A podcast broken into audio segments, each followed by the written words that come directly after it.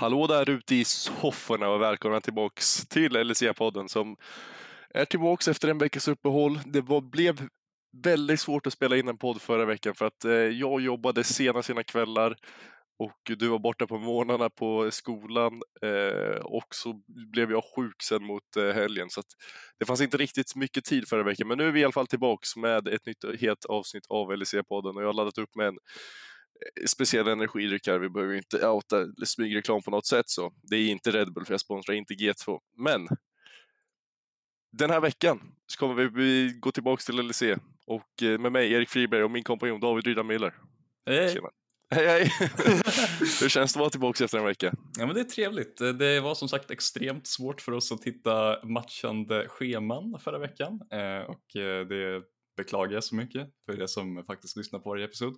Eh, men det känns mycket trevligt att vara tillbaka. Det hade varit ännu trevligare ifall vi hade liksom, för förra veckan var det så specifika roliga saker för oss att prata om som med och Fnatic mot varandra så vi hade kunnat liksom haft världens hela shit talk-fest om varandras lag även om det förmodligen hade blivit lite mer favorat ditt lag då de var kanske favoriterna inför matchen.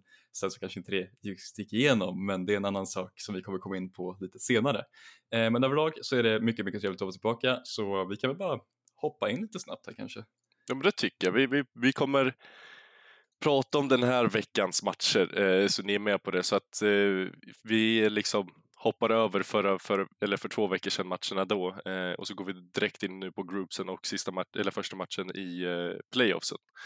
Eh, så då går vi igenom lite allmänna reflektioner och så. Vi har en All-Pro-lag varsin. Eh, finns inga riktiga bets idag så.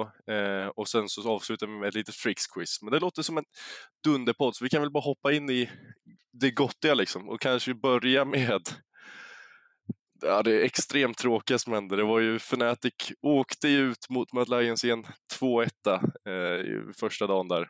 Eh, och vad säger du, liksom, vad säger du om matcherna, du som ändå gick vidare till? Uh, vi förtjänade inte att gå vidare på dagen men jag är väldigt, väldigt glad över att vi gjorde det ändå. Uh, för vi, ja, vi var ju klart bättre i första matchen, ni var klart bättre i andra matchen och ni var också klart bättre i tredje matchen. Men uh, sen så hände ju en viss, viss, vissa grejer i den matchen som var lite suspekta. En, en missad, missad end, en, en, en jinx med 19 kills Alltså, det kunde ju gått bättre för er och det var ju lite oflyt som faktiskt fick oss att gå vidare från Fanatics sida. Eh, vilket var, alltså, ja för mig är det ju obviously väldigt, väldigt kul eh, att se Mad gå vidare på det här sättet. Men det känns fortfarande lite, alltså, det känns lite som falsk data på något sätt. Det känns inte som att vi verkligen förtjänade det, även om vi nu vet i liksom hindsight att det faktiskt var rätt i stunden. Men då känns det verkligen inte rätt. Eh, jag vet inte ifall du delar samma, samma tanke kanske? Nej, jag tyckte ändå att vi spelade rätt så bra för att vara liksom för att vara här nu mot ett Mad Lion som egentligen borde väl kunna vinna med tanke på hur det såg ut förra splitten. Så jag tycker ändå vi spelade bra. Jag är inte så arg som jag trodde jag skulle vara när vi åkte ut, för jag tyckte ändå vi spelade bra. Det är definitivt surt att vi inte lyckas vinna sista gamet där och liksom den men ifrån en neutral standpoint så tycker jag ändå att sista gamet hade rätt mycket roligt. Liksom. Det var det man ville ha som ett sista game med en sån här jämn serie.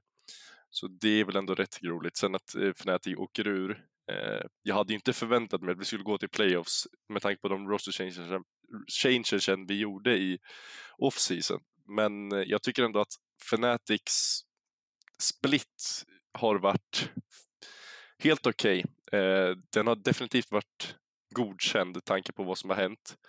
Eh, och men när man kollar verkligen på hur vi har spelat också, i alla fall de sista fyra veckorna, fyra, fem veckorna så har det verkligen varit bra. Eh, så jag tycker verkligen att det finns mycket att ta med från Fnatic. Jag tycker inte att man ska bli hänga läpp så mycket över den här serien mot Mad Lions, för vi visar ändå att vi kan stå upp rätt bra. Och vem vet vad som händer om vi, om vi lyckas vinna sista gamet där och kommer in mot eh, ett Astralis som var rätt jämn första gången också vi mötte, eh, eller som vi hade kunnat gjort jämnare, eh, definitivt. Så att jag tycker ändå att som ett Fnatic-fan så är jag helt okej okay, nöjd den här splitten. Eh, med hur det ser ut. Jag tycker att vi kan bygga på rätt mycket inför nästa. Samtidigt som ett Mad Lion som jag tycker är väldigt, väldigt starkt. Hur du, kan, hur du hittar vägar att vinna när du inte ens är det bättre laget över tre kartor liksom.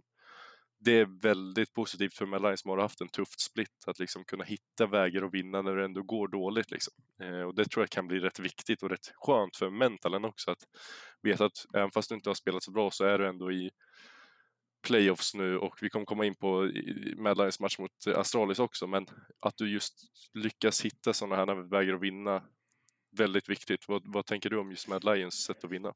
Jo, men jag tycker att det, alltså, det, det, visar att vi ändå har liksom den här glöden i oss fortfarande, vilket verkligen glädjer mig att vi liksom bevisar att vi faktiskt vill det här fortfarande. Det är som jag läste en, en, en kort intervju med Joja från eh, sidan Blix eh, och eh, han snackar ju om att ja, men vi vill inte liksom vi vill inte kvala till MSI om vi inte vinner splitten. Vi vill inte ha den här jävla grejen igen som vi hade med Worlds förra året när vi inte egentligen förtjänade att åka till Worlds men vi kom vidare genom eh, systemet. Liksom det, det, märks ju att laget vill inte få de här gratis grejerna som vi fortfarande har över oss.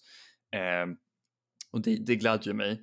Sen så, alltså om man bara kollar liksom rent på spelet, hur vi vinner de här matcherna mot Fnatic så är det att vi egentligen har hittat tillbaka till en riktig stil igen. Vi, har sätter, eh, vi sätter Niski på ganska heavy rom-karaktärer, hans Gragas är fortfarande elit, eh, jag vet inte riktigt hur den kom igenom honestly, för att han är förmodligen den bästa Gragasen i LSI just nu.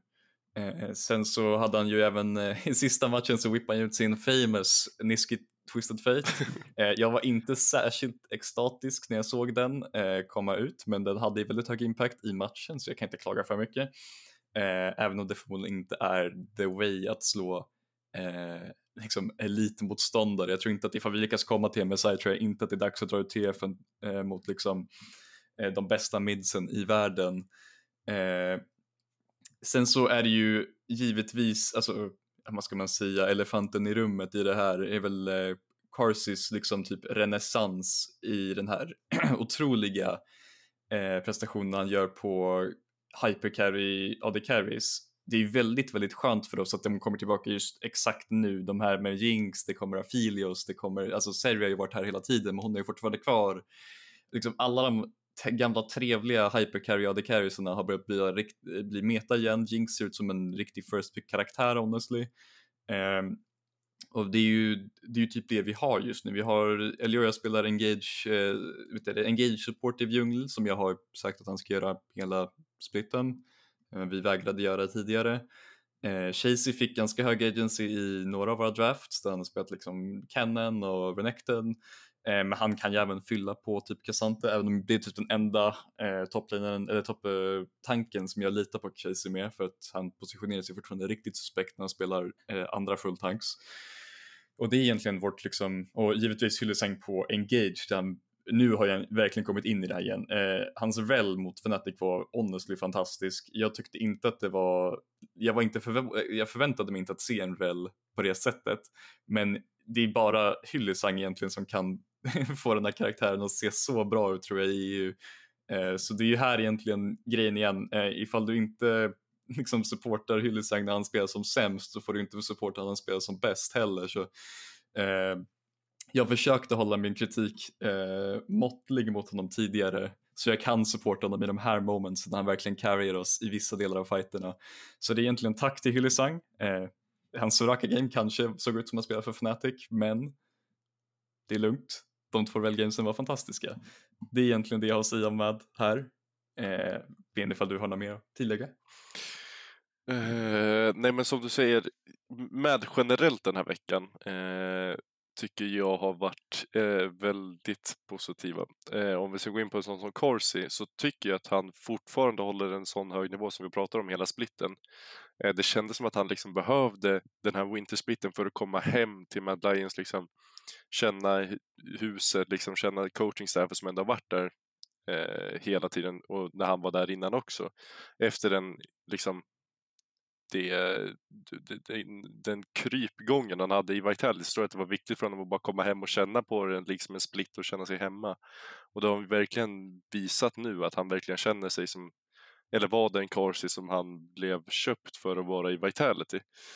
Och det har ju verkligen visat sig vara en saving point för er, för annars hade ni inte ens varit i groups eh, om inte Corsi hade varit en sån stabil stomme den här, liksom, den här splitten.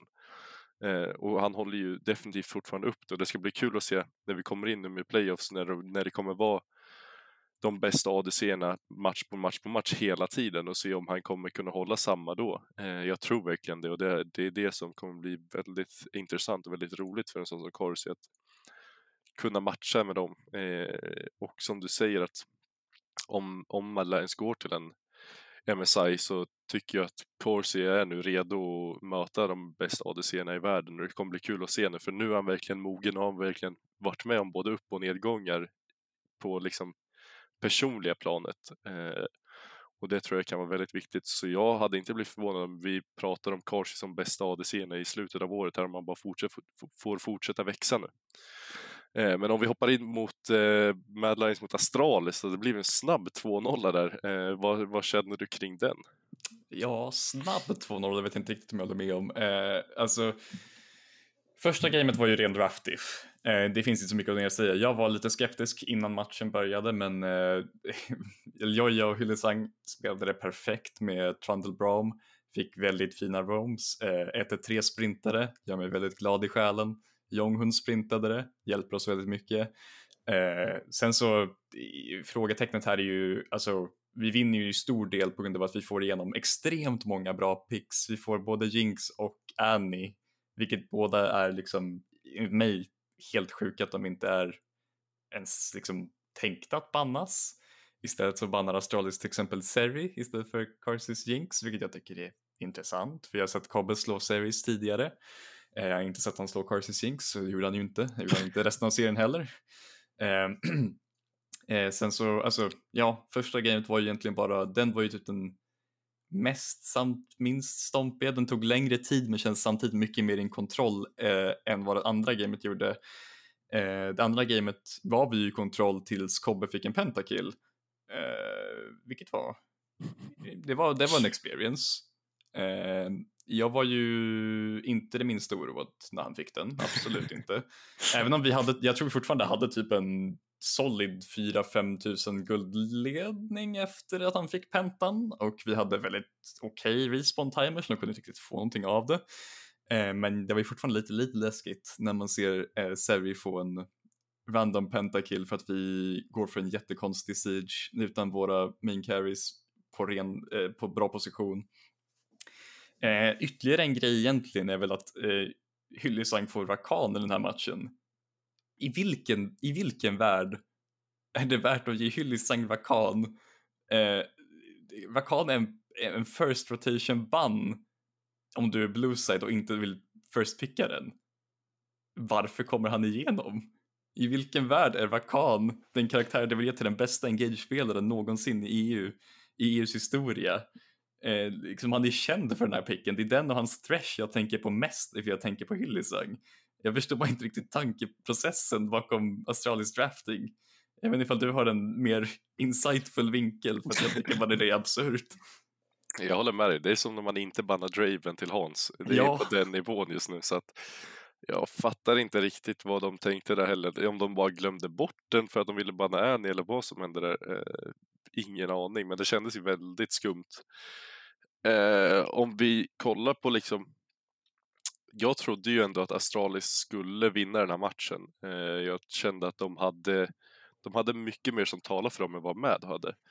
Men på, på det sättet ändå Mad lyckas lösa den här uppgiften var väldigt starkt och att när jag börjar titta in mot playoffs nu så känner jag ändå att Mad har, det kanske känns sjukt att säga, men det känns ändå som att Mad har mycket att spela för och det känns som att de verkligen kan utmana också de flesta lagen här i playoffs, vilket jag inte trodde jag skulle säga innan den här veckan. Absolut inte. Så att det här blir väldigt roligt och om vi kollar kanske lite framöver också eh, för med. Hur känner du kring playoffs generellt? Vi, vi kommer ju gå in lite senare på alla specifika matcher och vad vi tänker om typ första playoffsmatchen. Vad tänker du? Hur tror du att ni kan gå en längre bit eller tror du till och med ni kan vinna det och gå till MSI på det sättet?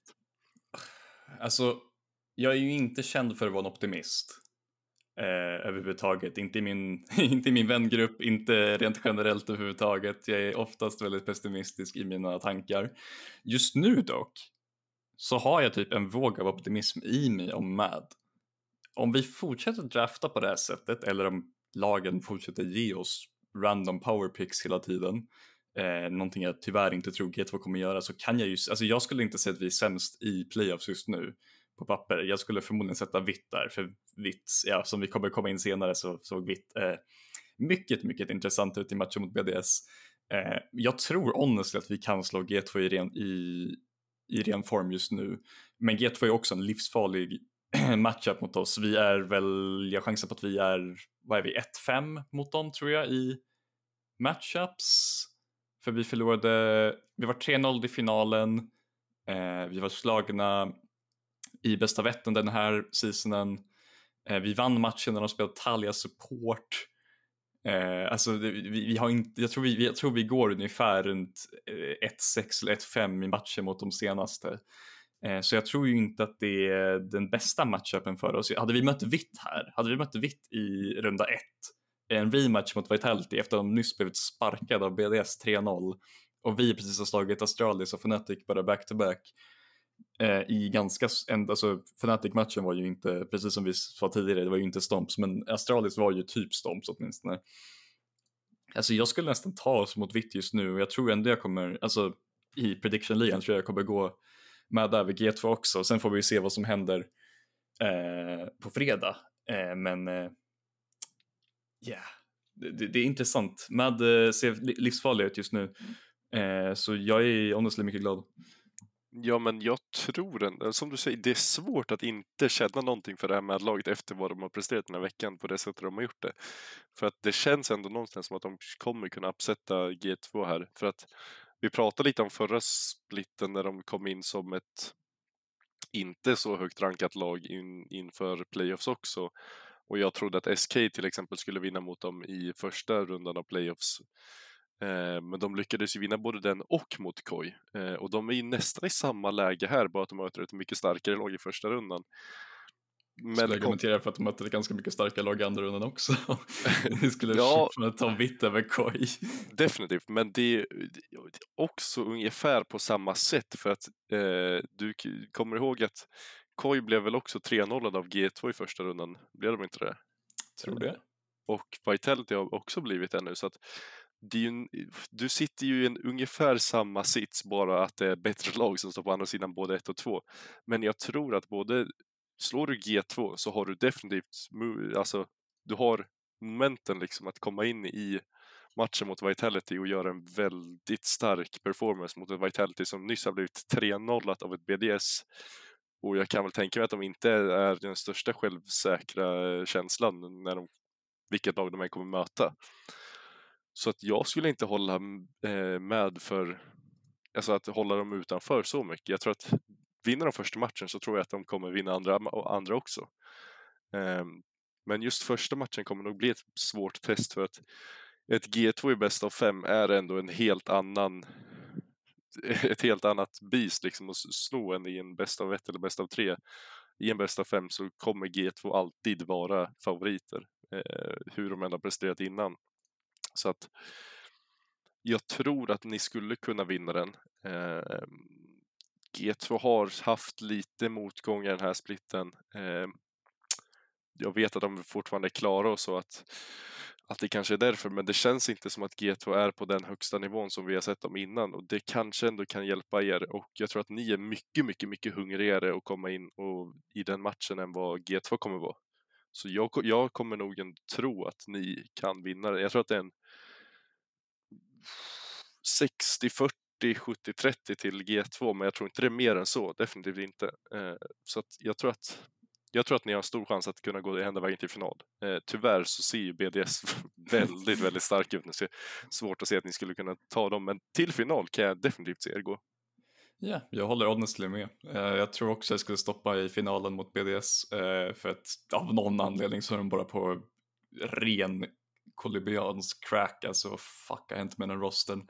eh, varje fall, som du sa med G2-matchen, första matchen är extremt viktig. Som du säger, vinner vi första tror jag också att vi kan bara close ut serien typ 3-1. Men vinner G2 första tror jag det bara tyvärr är över.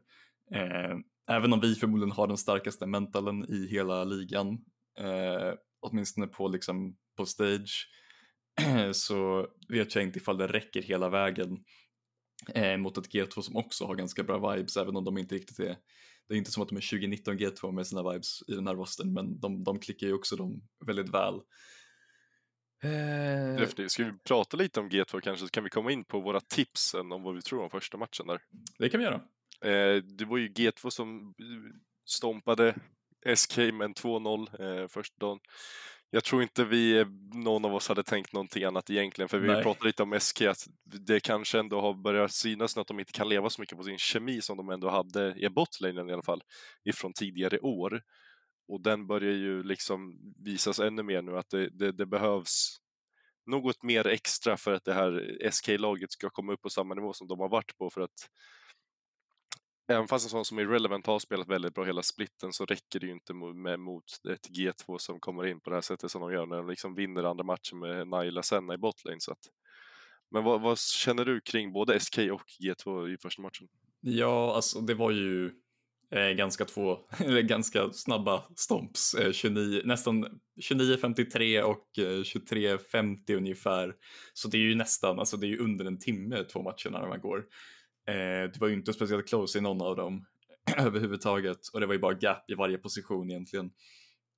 Eh, Nila Senna, mycket intressant. Jag tror inte att de kommer gå ut mot något annat lag, men för de ville, de vill väl bara vara lite extra jobbiga mot SK genom att stompa dem med en lane som förmodligen, eh, de har säkert spelat den i, i scrims men inte, jag tror inte att det finns någon annan som kommer whippa ut den förutom kanske Hans Mickey.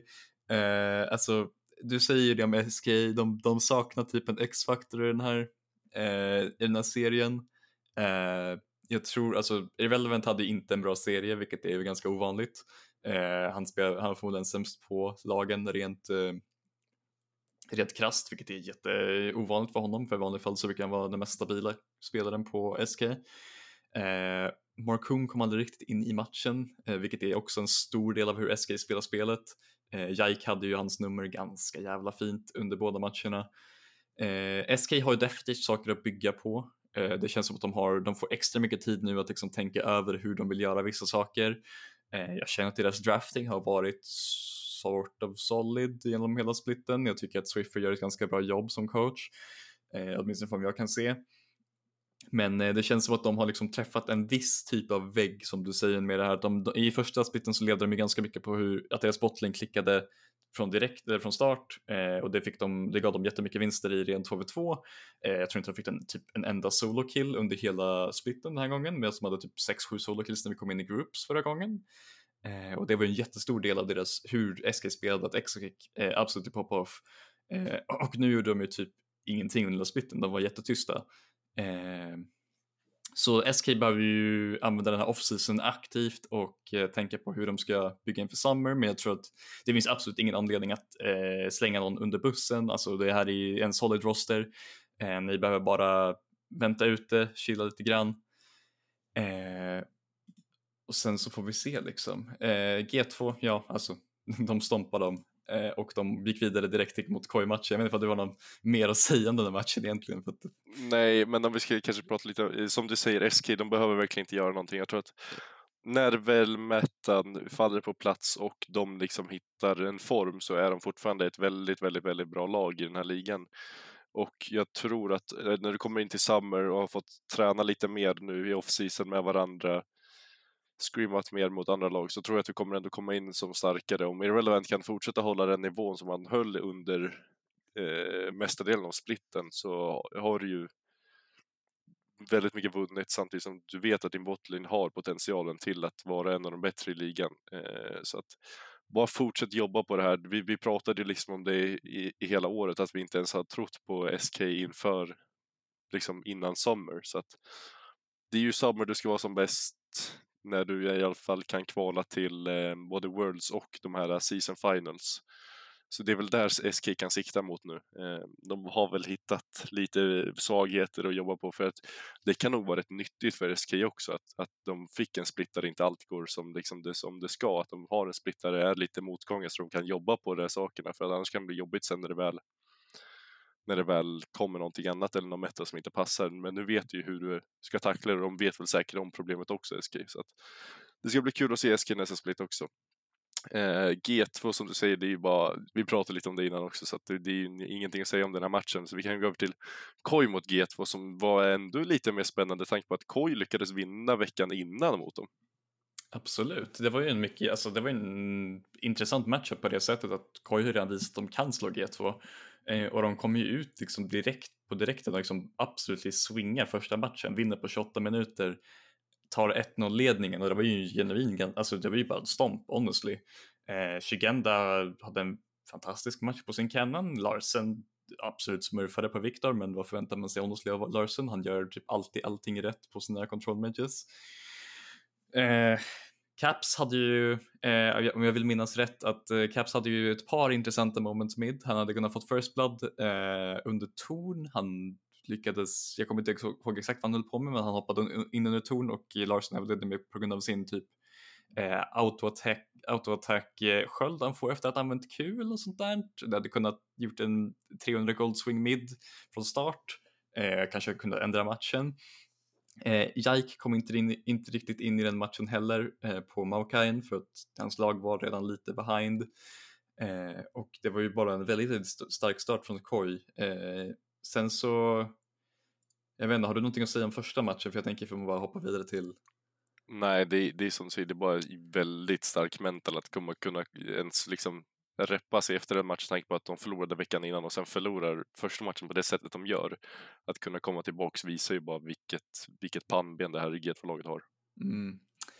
Eh, matchen, den andra, den andra matchen är ju en, en 21 minuters stomp eh, och eh, ibland undrar jag verkligen varför folk ger Jake Belveth eh, för att det känns som att G2 har typ två modes.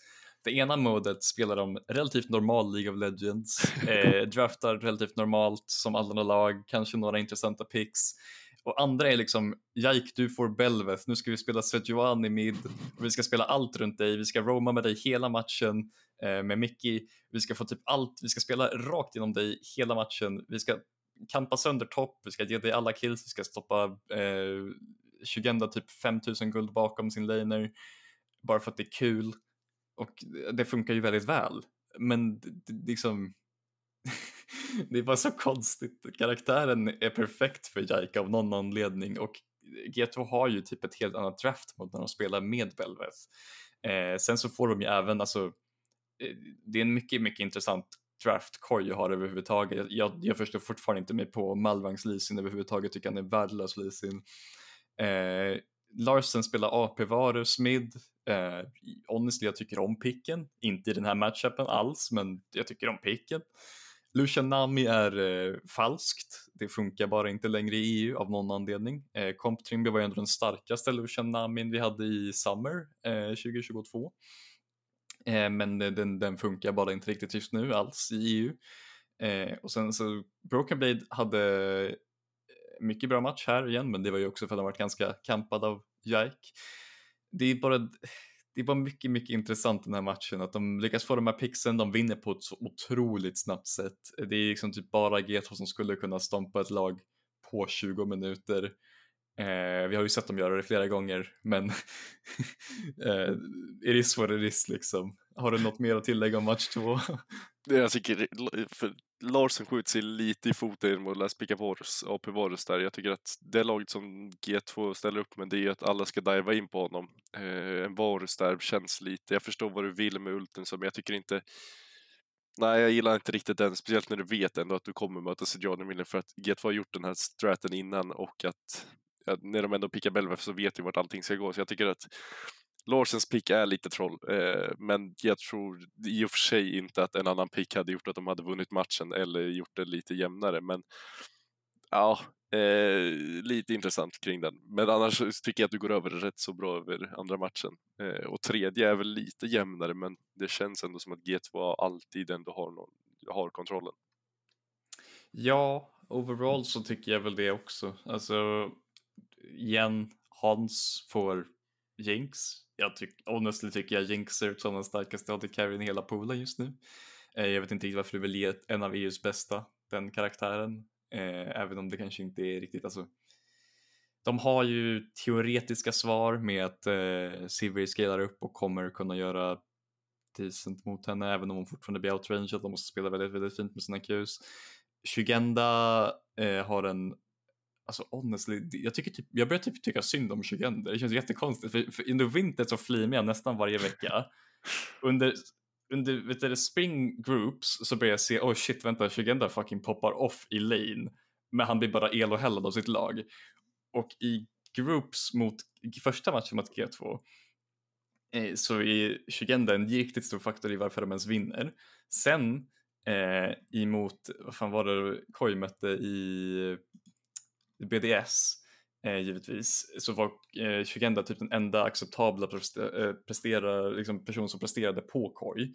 Och här har han också liksom, hans game på Kennen i första matchen mot G2 här eh, mot eh, Broken Blade Shogath eh, och hans Jace game här, han gör honestly så mycket. Like, eh, Shigenda har verkligen växt på mig och börjar liksom jag börjar förstå varför, verkligen varför de ville ha den här grabben. Men han blir ju lite elohällad av sin, både sin botlane eh, och sin djungler för Malrang hade bara inte en bra serie. Alltså, eh, Malrang har faktiskt i mina ögon tappat charmen lite grann nu. Eh, det känns som att han har blivit, en, alltså, han har blivit found out i basically två splits i rad när det kommer till liksom eh, bäst av serier. Det känns som att de flesta djunglersna i ligan kan läsa honom nu för att hans liksom stil bara fungerar inte riktigt längre mot de, bets, de bästa djunglerna i, liksom, eh, i ligan. Han blev gapped av Jaik i den här matchupen. Eh, han eh, vart ju också gapped av Cheo, vilket är like, ja sure, de, båda två är liksom väldigt, väldigt bra djunglers, men Malrang var liksom vår bästa djungler, eller ja, bästa och bästa, eh, under Summer 2022. Så liksom, jag vet inte riktigt, eh, jag har också hört förvisso jag har också hört rumors om att de kanske tittar på att replacea Malrang eh, inför Summer. Så det kan ju vara en, liksom, en faktor där att han känner liksom, antingen känner han pressen så bryr han sig inte längre. Men jag vet inte, för att det är inte en, det är inte en, eh, en reliable rumor, för det är inte från en av de, liksom, de stora likersna. Jag har bara hört det. Eh, men jag, jag, kan se det hända, jag skulle inte vara jätte, alltså Koi behöver ju typ ändra någonting för att det klickar bara inte riktigt det funkar inte. Nej, jag kunde inte säga det mycket bättre själv. Jag refererar till mig från förra avsnittet där jag pratade lite om Malrang och hur han har spelat, eller hur han fick den spelstilen som han har och hur den har liksom utvecklats och nu tagit liksom slut. Ehm, det finns ju inte riktigt mer att kräma ut ur honom och det är ju inte riktigt hans fel heller, tanke på som jag pratade om förra avsnittet, så den spelstilen som Malung har fick han ju för att Koi var så svaga under den splitten han joinade. Och då behövde hitta ett sätt att vinna matcher och det var det sättet han vann matcher på, var genom det sättet han nu spelar som. Eh, och det gick bra en, två år. Eh, nu, börjar den, nu börjar den bli figure out och det har man ju sagt ett tag, men nu blir den verkligen det. Och det jag tror inte riktigt det är hans fel. Jag håller fortfarande han som en väldigt bra djungler overall. Jag tror bara inte att han är, jag tror att det måste bli en en liksom, ett byte här tyvärr för bådas bästa också. För både att Malrang ska kunna utvecklas eh, och att Koi som lag också ska kunna ta steg. Eh, och vi pratade ju om det att det här Koi-laget vet ju typ fortfarande inte hur man spelar runt en toplaner. Eh, och frågan är, kommer en, en djungelbyte hjälpa det eller kommer det göra ännu värre för att resten av laget inte vet hur man spelar weakside? Eh, så det kommer bli väldigt intressant att följa upp och vi kommer nog ha rätt många diskussioner om det när vi kommer in till Summer också. Om det skulle vara så att de byter djungler nu. Eh, jag tycker någonstans att det är kanske rätt att byta djungler. Eh, du, du ser ändå på Shigenda att han verkligen har det i sig. Om Koi verkligen skulle kunna lägga, lära sig att spela runt honom nu så har de en till väldigt, väldigt stor, eller vass kniv i lådan liksom att använda. Eh, samtidigt liksom som, som din botlane inte har presterat på nästan två splits. Det har varit några veckor där de har spelat bra, men generellt så har de inte varit bra alls det här året, tycker jag. Larsson håller sin konsistent nivå fortfarande. Så att Malrang, det, det, är nog det lättaste att göra inför Summer. Det är nog att byta ut Malrang, även fast det är väldigt jobbigt och väldigt svårt. Med Tanke på vilken success han har haft i det här korglaget, eh, så mycket han har betytt för det. Så att jag tycker ändå att någonstans kanske det är dags att gå skilda vägar och det var ju tråkigt att det skulle bli så här också i slutet av, eller i mitten av en säsong liksom också. Men jag vet inte riktigt vilka det finns. Vi har ju knappt kollat in på vilka djungler som finns eftersom att det, det är ju rätt färskt och att det är inte ens hundraprocentigt liksom att det, att det kommer hända. Men det känns någonstans rätt för att det här laget ska kunna få sin utveckling och kunna spela runt topside. Jag har honestly ingen aning om vem de ens skulle kunna gå för. I mitt huvud så ringer bara klockan, ta hem inspired. Bara ta hem inspired. Alltså EG är en shitshow som organisation. Plus de såg horribla ut i playoffs i LCS. Bara plocka hem inspired. Jag lovar dig, han löser 95% av era problem. Han är fortfarande typ en av de bästa väst, liksom, western eh, liksom, förmodligen genom tiderna honestly. Eh, även om han har haft en väldigt kort karriär så är han ju en av de högsta peaksen någonsin typ. Eh, och alltså, Inspired i den här Koi-rostern skulle lösa väldigt mycket grejer just nu, men han är också ganska dyr tror jag. Eh, så jag vet inte ifall Koi, jag menar Ebay har lite pengar, fan bara langa över några stacks till eh, till EG, plocka hem polacken som jag personligen avskyr, men det behöver vi inte gå in på just nu. Eh, G2, nej vänta, vi är typ klara med G2 honestly, eller? Eh, för att, eh, Ja, det finns ju alltså det finns ju inte så mycket. Alltså de är bara... det är matchup mot MAD egentligen som är Ja, vi kan prata lite om det, eller vi, vi har ju pratat lite om den. Eh, frågan är väl kanske om vi ska sätta ett resultat på den. Eh, Det kan vi göra.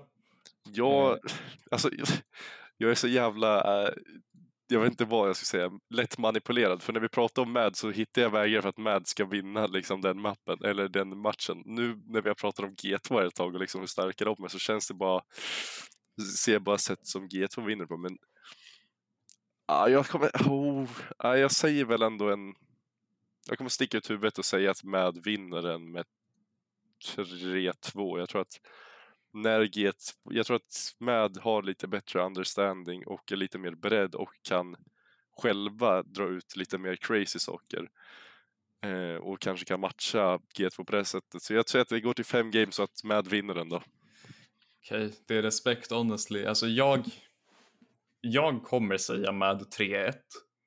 Eh, det är delvis för att jag litar på mitt lag till en, viss, till en viss mån.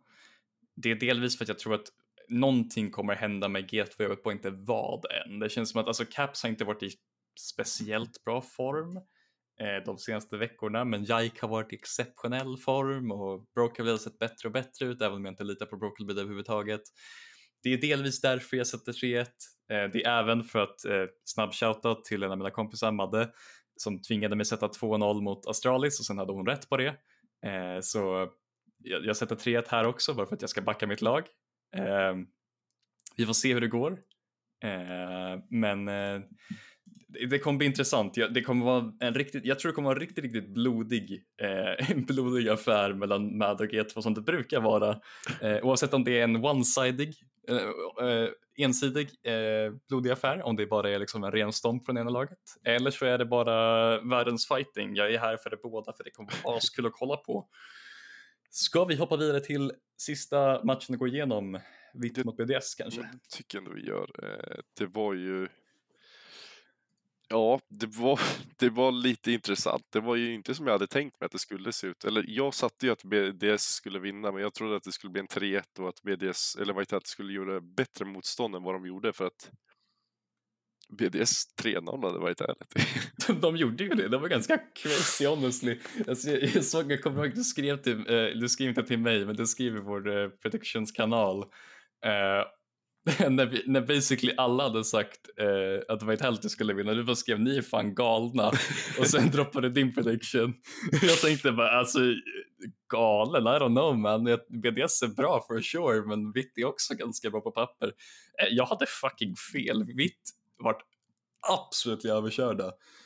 Eh, det var inte liksom ett enda close game överhuvudtaget. Eh, första matchen fick Vitt inte en kill i. Det var, det var ganska, det var genuint chockerande att kolla på. BDS spelade så mycket bättre än Vitality i första mappen. Eh, rent bara, alltså makro, mikro, vad fan du än vill. Eh, BDS aceade dem i varenda, liksom, varenda ämne. Eh, Photon Photon fick ju eh, counterpick mot Adams Darius med en action, vilket var hype. För att, like, jag har inte sett en action på över typ ett och ett halvt år eller någonting i LEC. Jag tror senaste gången jag, jag skrev det på Twitter något specifikt datum. Jag kommer inte ihåg exakt vad jag skrev nu, men eh, den picken funkade ju inte.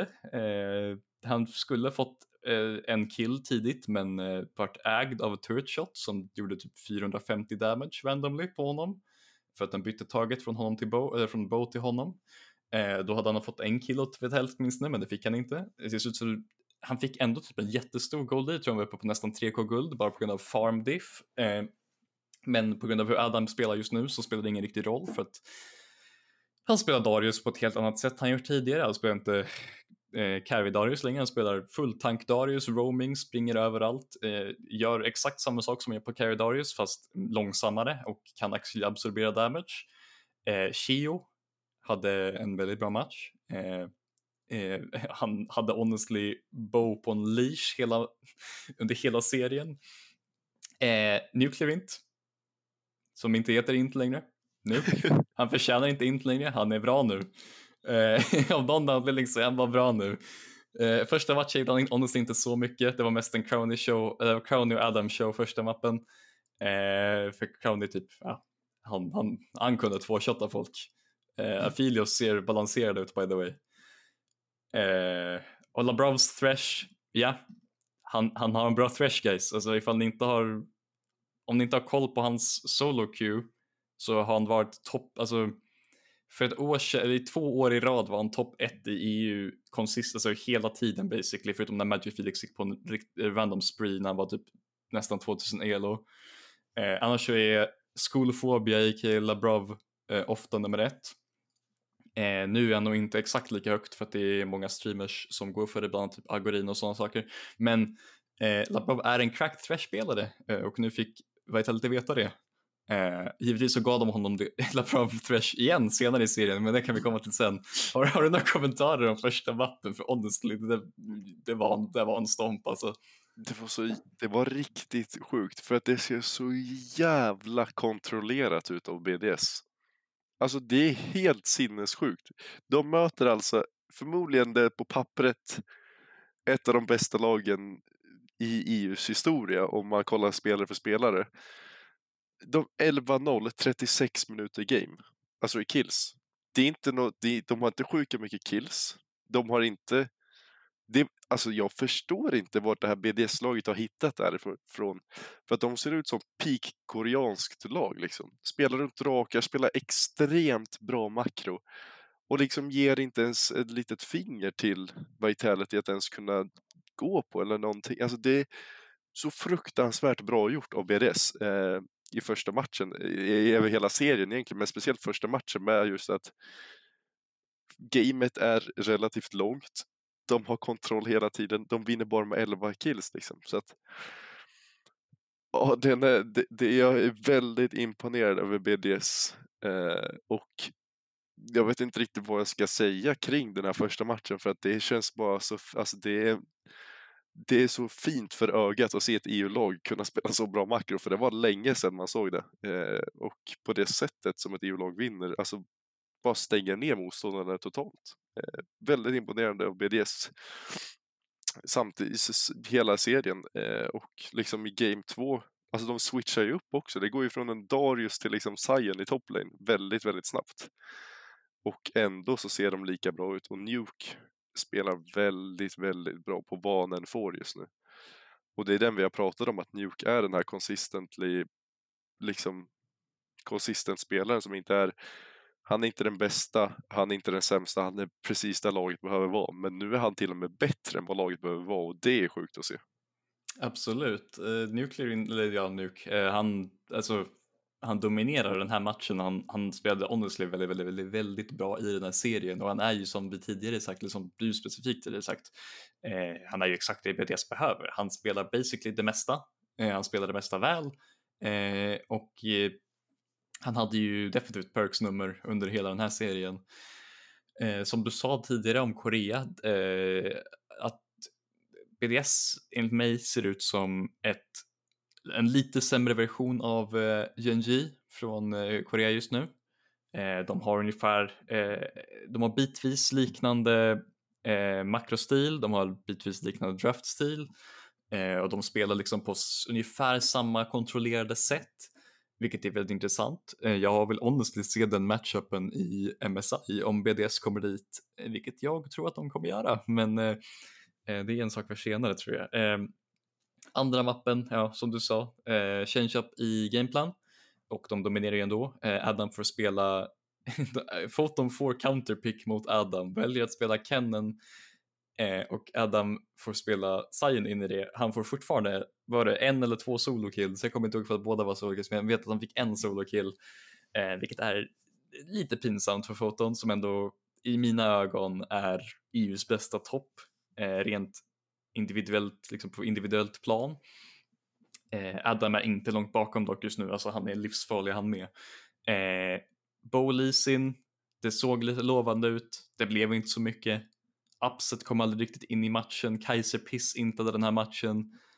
Perks hade ingen impact. Alltså, det var bara extremt kontrollerat igen av BDS och de gav inte mycket till Vitality för att komma in i den här matchen heller. Och det fortsatte ungefär så på sista matchen också, även om den här matchen var ju lite mer Alltså Upset hade fortfarande saker att göra den här matchen. Det var faktiskt den enda gången det fanns lite counterplay. Eh, dock så var ju Vitalitys Jungler inte med i matchen alls. Bo hade ju ytterligare ett av de här, eh, vad ska man säga till this point, happy games, mald games, fucking, alltså det känns som att han bara tappar fokuset när hans lag börjar förlora på det här sättet och det är det en sak som du hade eh, kritik mot tidigare, åtminstone så här, eh, en sak att tänka på extra mycket inför eh, bästa av serien att eh, de, de förstördes ju efter att de gick, eh, de gick ner i matcher i groups förra splitten. Eh, och det såg vi ju här också. De, de tappade ju typ all nivå. Eh, ren, eh, all ren individuell nivå desto längre matcherna gick. Eh, förutom Upset som blir mer och mer up, det, fired up eftersom att han är sån. Men det känns bara som att Vitality hade typ ingenting att säga till om i den här serien och det var genuint chockerande. Jag, förväntade, jag tror jag prediktade en 3-1 vitality och det var liksom bara på, alltså jag litar inte på att eh, surely kan man banna ut Adam eh, eller kan man typ eh, spela runt botlin så mycket så att Crown inte får göra så mycket och Upset får göra det mesta. Men BDS ser typ Alltså de ser nästintill oslagbara ut just nu. Ifall de spelar så här i finalen så finns det inget EU-lag som kan slå dem. Definitivt inte. Eh, eh, som du säger, de sista två matcherna är ju också väldigt imponerande i tanke på hur de ändrar upp saker och så. Men första matchen tycker jag är en helt nivå för sig själv liksom på det sättet de vinner matcherna. Så matcherna efter det är ju mer bara att de, de känner väl själva hur mycket bättre de är och hur mycket mer understanding av spelet de har än Vitality just nu. Och det känns verkligen så. Eh, men om vi ska gå in på Vitality som en helhet inför framtiden också så tycker jag nu, nu har ändå Bo bevisat mig det jag sa, eller det jag frågade mig själv om Bo för några veckor sedan här när vi, när vi hade frågeställningen uppe om Bo verkligen är så bra som kanske han, han är, hans stats har varit eller så. Och för mig är det rätt klart nu att han inte är så dominant eller så pass bra som vi innan har trott. Eh, på sättet som han försvinner i de här viktiga matcherna och mot bättre lag är under all kritik för en, sån, för en spelare med den kalibern som Bo ligger inne med. Jag tycker att du ska inte på det sättet kunna tappa ditt både mental och själva spelet så pass mycket som ändå Bo gör. Och jag vet ju att de flesta i Vitality inte spelar sitt bästa match, men jag tycker att det syns så mycket på Bo eh, när det väl händer.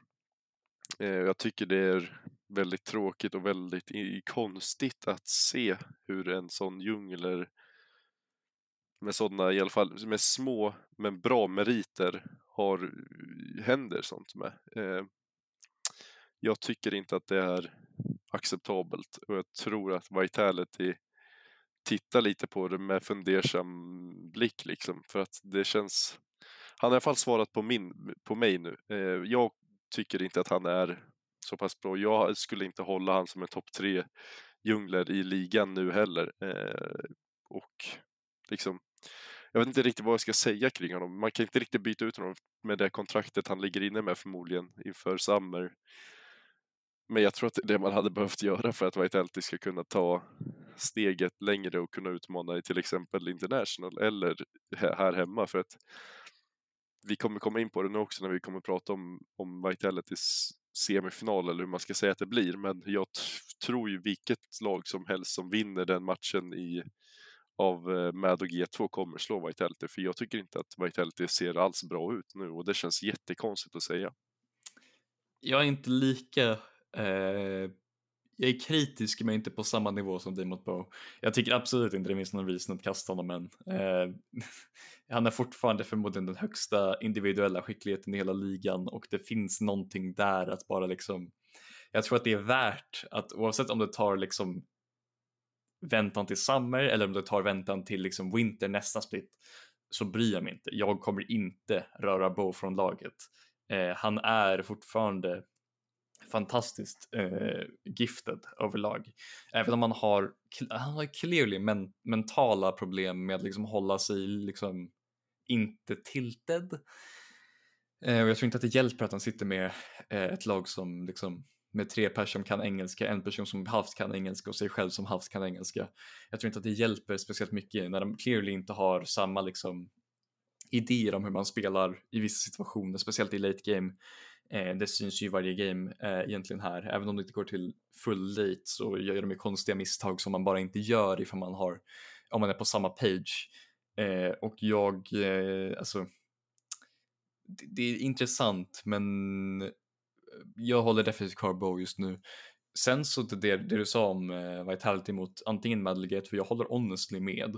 Eh, Vitality ser i mina ögon ut som det sämsta laget i playoffs. Eh, och det känns så, jag tror att de kan, jag tror att de kan vinna mot MAD, men jag tror inte att de kan vinna mot G2 till exempel. Eh, för att vi har ju redan sett Vitt stompa MAD i en snabb 2-0. Eh, men det här är ett annat MAD eh, just nu och det är ett helt annat Vitt. Så att jag tror att det är fortfarande slightly vitt favored, men MAD kan slå dem och vitt kan slå dem. Jag tror inte att vitt kan slå G2. Ifall de kör typ 100 matcher tror jag vitt vinner kanske 10-15 stycken av de 100. Eh, bara för att jag, jag ser G2 som ett så mycket mer dominant lag på flera plan och de har liksom en viss consistency som Vitality skulle bara drömmer om att ha. Sen är ju frågan, vinner något av de här lagen i finalen mot BDS? Jag tror inte det. Nej, det tror inte jag heller. Jag tror att BDS kommer, om de inte 3-0, i alla fall en 3-1 i final mot vilket lag som helst just nu på, med tanke på hur de spelar. Eh, liksom vi, vi pratade om den här serien nu, eh, men alltså generellt hela splitten, vilket lag de har fått ihop och vilken vilken, vilken liksom spelstil de har. Liksom. Det, det är sjukt imponerande och jag tror att jag tror verkligen att de kommer vinna splitten och jag tror att om de håller den formen till MSI så ser det väldigt, väldigt bra ut för EU för då har du ett G2 som är lite unexpected.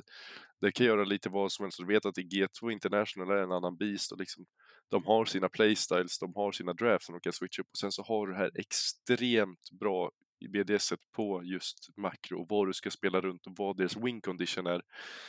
Det enda frågetecknet du kan ha kanske är just runt kanske midjungel, hur de skulle kunna vara på allra högsta stenen, men jag tror inte det kommer vara något större problem. Och om det inte ser så bra ut i MSI, nej men då har du lärt dig. Eh, då har du i alla fall spelat mot de bästa i världen. Och då komma in till, i Summer och kanske till och med Worlds, som det ser rätt gott ut för BDS, kan bli ännu bättre då, när du väl har fått testa till exempel Nuke och Shio på den högsta stagen. Absolut. Eh, BDS är typ vårt största hopp just nu. i EU. det känns helt absurt att säga men honestly, alltså jag, är, jag är redo. Jag vill se typ, alltså om, om Mad inte går till MSI eh, och jag vill honestly bara att Mad ska gå till MSI om vi vinner själva splitten. Jag vill inte att G2 på något sätt kommer igenom och vinner, vinner splitten. Även om jag inte tror att de kan göra det just nu. Eh, jag vill inte se det ändå. Eh, men jag vill se BDS, jag vill se typ jag, vill, jag, jag, vill bara se liksom, jag, jag, vill se typ, äh, vad heter det, jag vill se crown shot mot typ, alltså Gubayushi, Pace, ge mig Gubayushi mot Ruler, fucking, äh, inte Gubayushi mot Ruler, ge mig Crowny mot Ruler, ge mig, äh, vänta vem fan är, vem fan är JD's mid? Är det oh, jag kommer inte ihåg, spelar roll. Jag vill se liksom Nuke mot riktiga, riktiga mids. Inte bara liksom semi-washed perks, semi-washed caps, out of form Niski. Jag vill se honom mot riktiga spelare. Sen så vill jag även se eh, Adam. Alltså jag vill, bara se, jag vill bara se Adam honestly mot vem som helst som inte är från EU. Like, kan, kan liksom, kan Sus eh, copa med Adam? Jag vet inte. Jag vill, jag vill se det. Jag tror att han kan det, men vem vet? Jag, jag har aldrig sett honom spela mot dem tidigare. Eh, jag är bara redo för att se det här BDS på eh, international stage. Sen har vi ju också, vad ska man säga, eh, home, home advantage, eftersom det är London, så vi slipper potentiell jetlag även om koreanska, serie, koreanska ligan slutade för typ två veckor sedan och LPL slutade för typ en vecka sedan. Eh, så de kan ju rent teoretiskt flyga in tidigt. Sen så gör de inte det för att det finns ingen poäng för att de vill ha bra scrim partners. Eh, så de flyger in bara några dagar innan. Eh, så vi kanske fortfarande kan få lite jetlag ur östgrabbarna. BDS mot NA-lag, jag tror honestly att de stompar både Cloud9 och eh, Golden Guardians utan problem. Jag tror även att G2 gör det båda, eh, ger det mot båda. Eh, Cloud9 är lite läskigare för G2 tror jag, för att det finns vissa matcher jag inte litar riktigt på dem med, men eh, Sven är fortfarande deras support, så jag menar hur mycket kan man egentligen lita på Cloud9? Eh, men det, det, är väl egentligen allt. Alltså, vi satte lite, lite predictions på bara, alltså vi satte ju redan vår MAD mot G2 där jag satte 3-1 MAD och du satte 3-2 MAD. Men om vi nu har MAD mot Vitality här, vad säger du om scorelinen? Alltså jag hade på riktigt inte blivit förvånad om det blir en 3-0 till MAD. Eh, jag kommer sätta en 3 för jag tror ändå att Upset kanske har ett, e, e, en riktigt care performance i sig. Eh, jag tror att Bo kommer tappa det igen eh, när han märker att laget inte är när han märker att laget håller på att förlora och då kommer han tappa det men jag tror att Upset kommer kunna rädda en match i alla fall så jag tror, tror det blir en 3-1 till med. Jag tror jag går 3-2 personligen, jag tror att det kommer hända. Alltså jag tror att Vitality kommer nog vinna första matchen, sen så vinner vi två raka, då tappar båda men lyckas på något sätt göra en arg carry performance till 2-2 och sen så har vi bara en Silver Scrapes banger eh, med förmodligen en, en, eh, en antingen en backdoor end av Niski eller någon, ran, alltså bara någon random typ elder-stil av Aljoja. Jag, bara, jag bara känner det, är en sån här riktig, riktig banger. Och sen BDS mot Mad i finalen. alltså, jag vill inte säga det, men like honestly 3-0 BDS. Ja, alltså går det att sätta nu, typ 3, 3 minus 3 till med eller någonting för att ja, BDS, ja, eller BDS kommer vinna det nu, jag tror att det blir 3-0. Eh, så att det kommer nog bli som förra året, eller som förra splitten. Tyvärr för mig, det måste, det måste vara riktigt jobbigt att komma tvåa två gånger och inte få gå till MSI. Alltid fucking pain alltså, två, tre nolls, alltså det är ingenting man kan göra. Förra G2 var bara on fire och helt andra, helt andra demoner. Och nu är BDS bara, nu, nu är de bara här I guess. Random spelare hela bunten förutom äh, Crownshot och Adam I guess. Eh, eh det är bara vibes, de är bäst i ligan liksom. Men det hade varit, om vi, bortser, bortser från att det hade varit jättetråkigt för med, vilken turnaround de ändå gjorde på den här splitten för att de var en tiebreaker och ett game ifrån att missa hela groups till att vara här nu där vi pratar om att de kan komma till final och det är inte en omöjlighet. Det visar ändå vilken, vilken typ av lag de har just nu ja, det, de har fortfarande inte det starkaste laget och det känns konstigt med för att det känns aldrig som att de kommer vara en favorit, tyvärr. Eh, det känns som att det kommer behövas väldigt, väldigt mycket för att de ska vinna en split. Men ändå så väldigt imponerande. Håller med, alltså det, det är genuint sinnessjukt. Jag, jag förväntade mig inte det här alls. Eh, jag förväntade att vi skulle bli utslängda ur groups ganska fort efter den där matchen mot Vitality. Det känns som att vi hade inte så mycket att säga mot eh, Fnatic, men eh, nu är vi här i playoffs och vi kan semirealistiskt ta oss till final. Eh, och jag menar, vinna finalen känns tufft just nu, men vad fan, vem vet? Två stycken raka bästa av fem, så vi kanske ser lite extra bra ut, så kanske det kanske ändras lite grann. Men eh, ja, mycket, mycket intressant säsong måste jag säga. Jag var inte på, jag var inte riktigt mentalt redo för att BDS skulle vara så här bra, att Mad skulle ta sig tillbaka efter den där jävla tragiska starten vi gör till säsongen i regular och hur Vitality ser ut nu är också så här, mm, jag var inte riktigt redo på det men jag tror att du var lite mer preppad. ja, Eh, jag trodde inte, eller jag trodde på Vitality men det känns som att de har några bitar kvar eller några mentala bitar kvar kanske för att kunna utmana. Ska vi kanske gå vidare i programmet till vårt All-Pro-lag? Det kan vi göra. Då har vi tagit ut ett All-Pro-lag nu eh, för att det blir, det blev lite svårare eftersom det är så många bra spelare. Vi har ändå suttit en, en bra stund i alla fall med varsitt lag här. Eh, jag kan väl börja med min toplaner där jag innan programmet skrev ner foton. Under programmet har jag nu bytt och satt Adam för att alltså det, foton är väldigt, väldigt bra, men Adam är bättre och han är på det sättet som Adam har utvecklats och blivit från en liksom bara carry toplaner kan picka sina Olaf Darius och liksom så till att ha kunnat picka allting och vinna lane på allting. Alltså han vinner ju liksom, han får ju en solokill på Sire mot Kennen liksom så att Nej, jag tycker att Adam får sitta där, även fast det kanske är lite tråkigt för vi kommer väl ha samma. Ja, det, det, är mycket svårt att argumentera mot Adam just nu. Innan, innan matchen mot eh, Vitality hade jag ändå satt eh, foton, men eh, Adam dominerade ju foton i serien så det känns ju absolut inkorrekt att sätta en spelare, alltså All Pro är ju liksom inte som MVP så det måste ju vara bästa spelaren i rollen liksom så det, det är nog bara Adam, det finns inte så mycket att argumentera om här tror jag egentligen. Nej, vem har du i djungeln? Jag har Cheo, men eh, det finns argument för en viss annan spelare också. Men jag, jag valde Cheo för att det känns som att han är exakt det BDS behöver. Plus han har hållit extremt hög nivå. Han är förmodligen eh, en, han är nog ligans bästa Vice-spelare. Han är en av de två bästa Maokai-spelarna. Han är en av de två bästa Wukong-spelarna. Liksom han, är, han är elit på alla metapix just nu, vilket är ganska ovanligt honestly för Junglish att vara liksom typ elitnivå på alla metapix. Eh, och det är ju typ exakt det BDS behöver just nu för att de behöver en proaktiv eh, supportive jungler oftast. Och det är exakt det Shio är, så det är min pick. Jag har gått för eh, Jaik, för jag ja. tycker egentligen bara att han är Shio är väldigt bra och det är vad, vad heter det, BDS behöver, men jag tycker Jaik är bättre.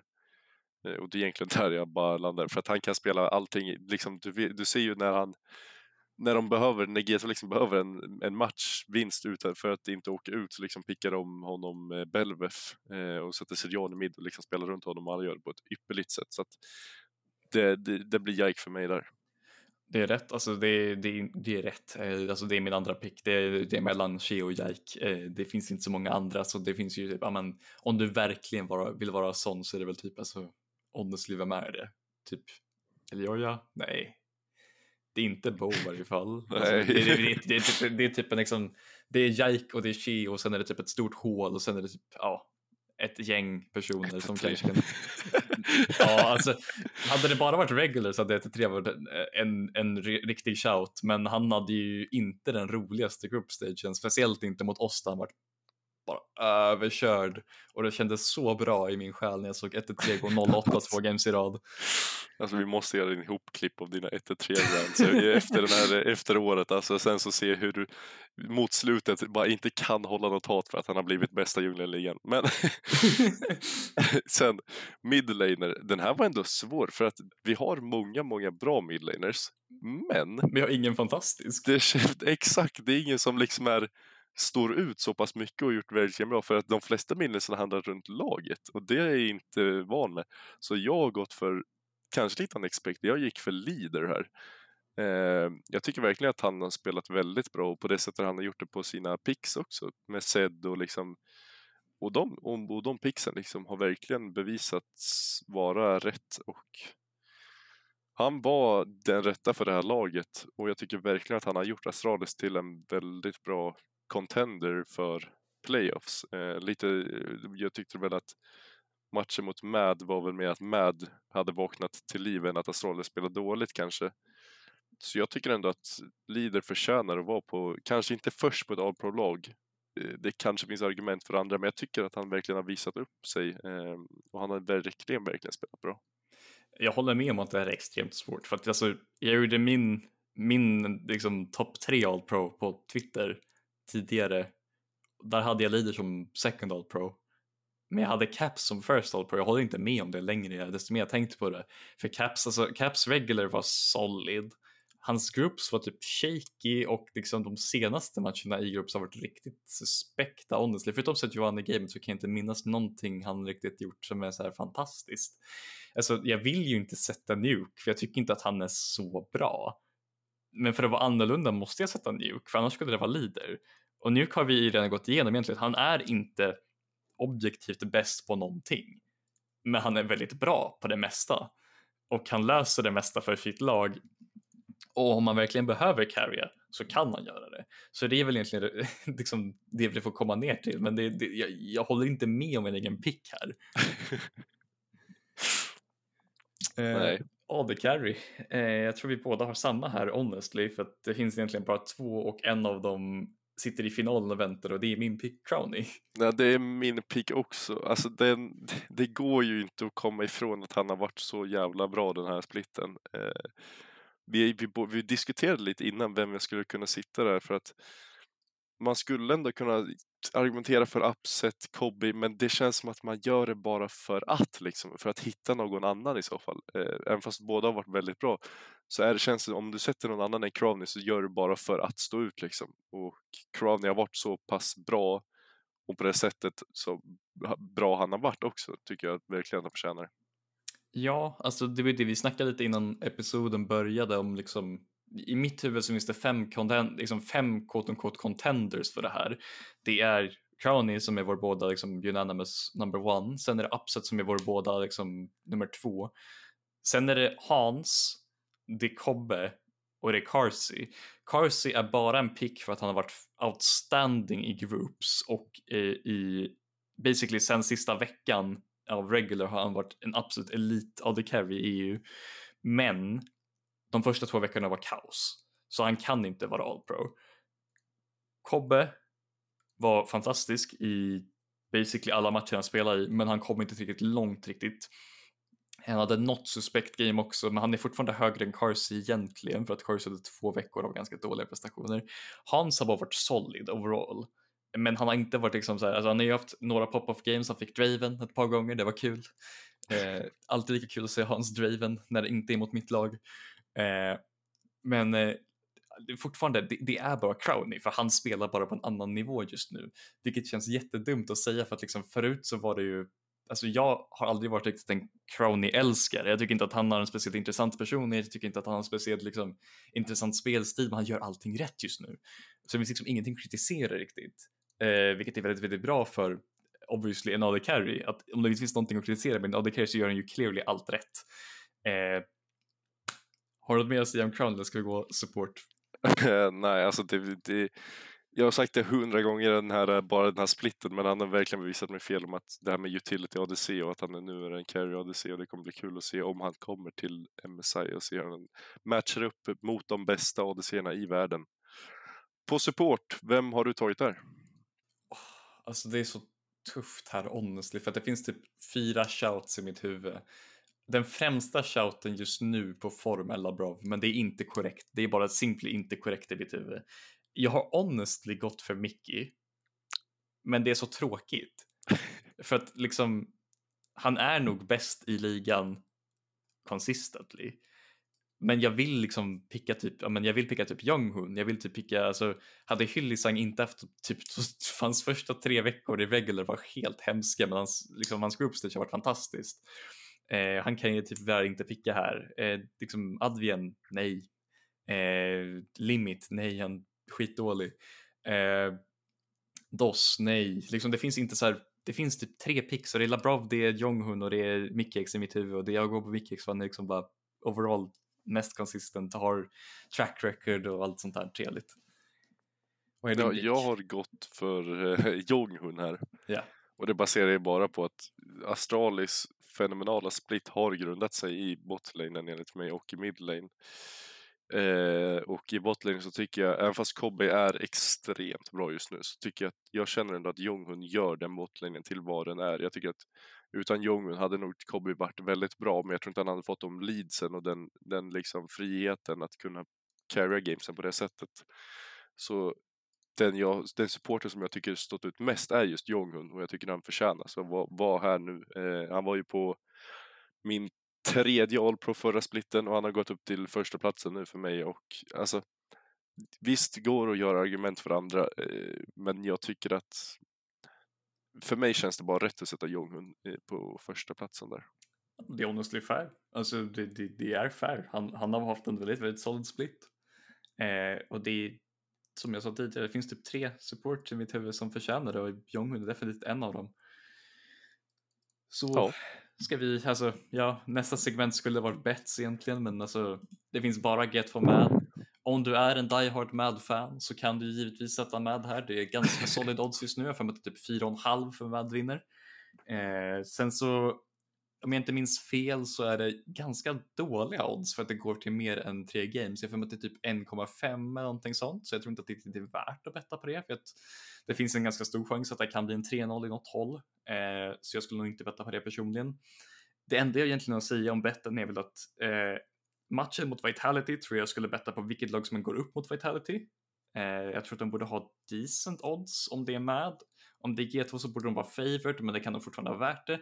Sen BDS, logiskt sett så borde de ju vara jämna eller jämna eller favoriter mot vem som helst som kommer upp, men jag tror att bookiesna bara inte vet.